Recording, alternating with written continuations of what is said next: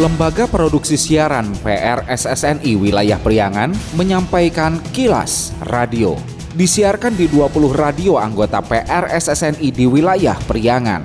Dan kilas radio edisi kali ini di antaranya mengenai rugi sekira 8 miliar belasan korban investasi bodong lapor ke Polres Tasikmalaya.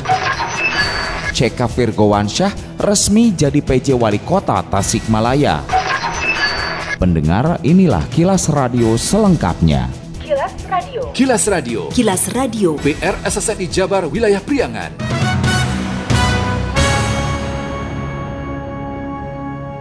Belasan korban investasi bodong datangi sentra pelayanan kepolisian terpadu SPKT Polres Tasikmalaya melaporkan seorang admin inisial N yang berdomisili di Kecamatan Singaparna, Kabupaten Tasikmalaya, pemilik akun investasi dengan moto tanah modal cari cuan sambil rebahan Senin 14 November. N disinyalir lakukan tindak pidana penipuan investasi dan penyebaran berita bohong serta undang-undang transaksi elektronik. R, salah seorang korban mengaku tergiur bergabung karena dijanjikan keuntungan 40%. Ia pun merekrut member hingga 200 orang dengan total kerugian hingga 8 miliar rupiah. Jadi Nadia itu mengiming-imingi tentang tanah modal ya Berdasarkan kepercayaan terhadap teman ya Nadia Terus menjanjikan menggunakan limit pay yang kita punya Itu buat dipakai di gudang tas Di Surabaya sama di Jakarta Dia sampai ngirimin lagi packing barang-barang Sampai ada kontainer Ya siapa yang gak percaya gitu Jadi kami semua di sini tuh percaya bahwa emang limit yang kita punya itu dipakai buat usaha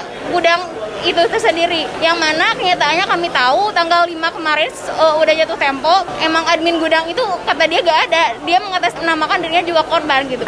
Kuasa hukum korban Saiful Wahid Muharram Managing Partners dari law firm Yogi Muhammad dan Partners mengatakan tersangka N dilaporkan pihaknya atas dugaan tindak pidana menyebarkan berita bohong dan menyesatkan pasal 28 ayat 1 Undang-Undang ITE. Pasalnya, N telah menyebarkan kebohongan hingga merugikan orang lain dengan menyebut memiliki gudang disertai foto-foto jualan tas import sehingga korbannya percaya untuk melakukan investasi dan deposito. Kami menerima kuasa dari 16 orang, 11 orang ketua member dan sisanya adalah member di bawah ketua member atas dugaan tindak pidana menyebarkan berita bohong dan menyesatkan. Pasal 28 ayat 1 Undang-Undang ITE. Yang investasi kita laporkan dan deposito kita laporkan juga. Karena ketua member contoh ini, ini adalah korban investasi dengan moto tanah modal cari cuan sambil rebahan. Selain itu dia juga mengeluarkan uang pribadi untuk depositonya langsung ke rekening terlapor ya. Hampir kurang lebih 8 miliar. Gabungan dari deposito dan invest itu. Modusnya sederhana sebetulnya. Klien kami menerima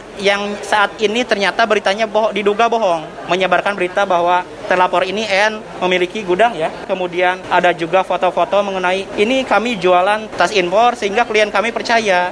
Jadi klien kami meyakini seolah-olah itu benar, ternyata sekarang diketahui patut diduga itu bohong. Pelaporan kasus itu dibenarkan Kasat Sentra Pelayanan Kepolisian Terpadu SPKT Polres Tasikmalaya Ibtu Iwan Darmawan. Menurutnya, laporan diteruskan ke Satuan Reskrim untuk ditindaklanjuti. Kami serahkan dulu ke reskrim untuk digelarkan dulu. Selanjutnya mungkin kami menunggu untuk pembuatan laporan polisinya. Reporter Andik ST melaporkan para korban sebelumnya menangis histeris di ruang SPKT saat laporan pengaduan dibuatkan kuasa hukumnya. Mereka berdiri sambil berpelukan tak kuasa menahan air mata.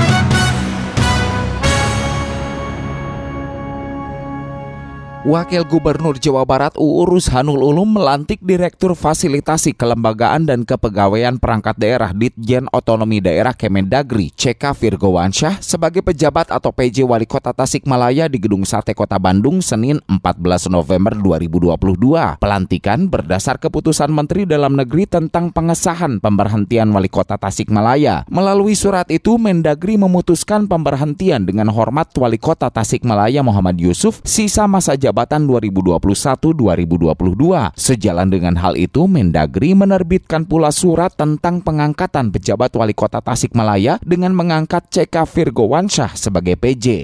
Demi Allah saya bersumpah. Demi Allah saya bersumpah. Akan memenuhi kewajiban saya. Akan memenuhi kewajiban saya. Sebagai pejabat wali kota Tasikmalaya. Sebagai penjabat wali kota Tasikmalaya dengan sebaik-baiknya dengan sebaik-baiknya dan seadil-adilnya dan seadil-adilnya.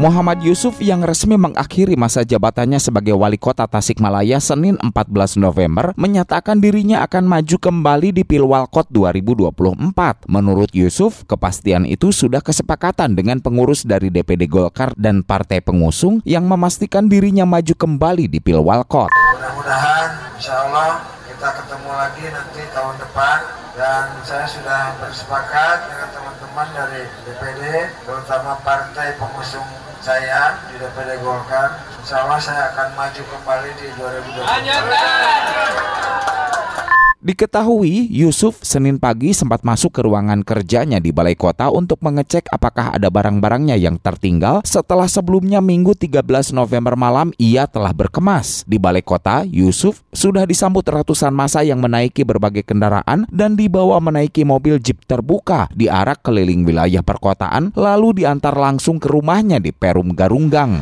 Kilas Radio. Kilas Radio. Kilas Radio. PR SSNI Jabar Wilayah Priangan. Bila Anda mendapatkan hal-hal atau peristiwa penting untuk diliput oleh tim Kilas Radio, hubungi hotline servis kami, SMS atau WA ke nomor 0813 2424 5911 0813 2424 5911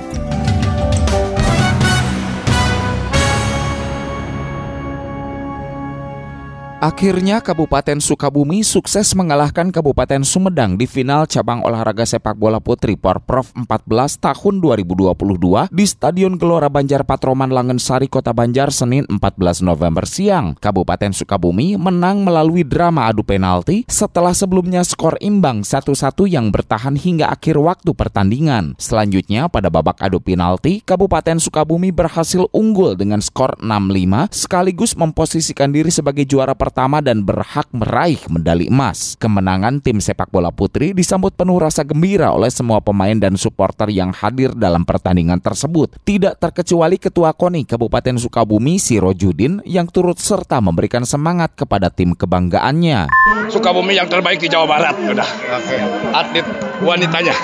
Zahwa Putri, seorang pemain sepak bola putri Kabupaten Sukabumi, menyatakan rasa senang dan bangganya atas kemenangan timnya, kendati menurutnya bermain di lapangan Stadion Gelora Banjar Patroman cukup melelahkan dengan kondisi lapangan yang agak lebar ukurannya bagi pemain putri. Senang banget tentunya kita kan udah target dari awal untuk memenangkan kejuaraan ini. Ya. Dan alhamdulillahnya rezekinya ada di Kabupaten Sukabumi. Standar cuman agak lebar, agak lebar jadi terlalu menguras tenaga kalau buat cewek.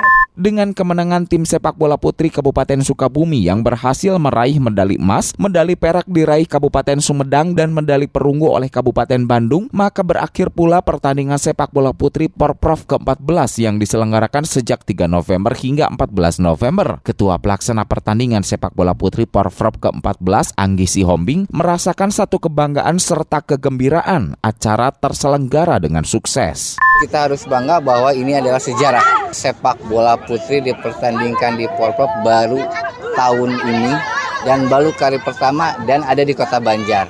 Hal senada juga disampaikan Ketua PSSI Kota Banjar, Dadang R. Kaliubi. Ia bahkan memberikan apresiasi kepada seluruh pemain dan panitia pelaksana dengan kesuksesan penyelenggaraan pertandingan sepak bola putri Porprov ke-14.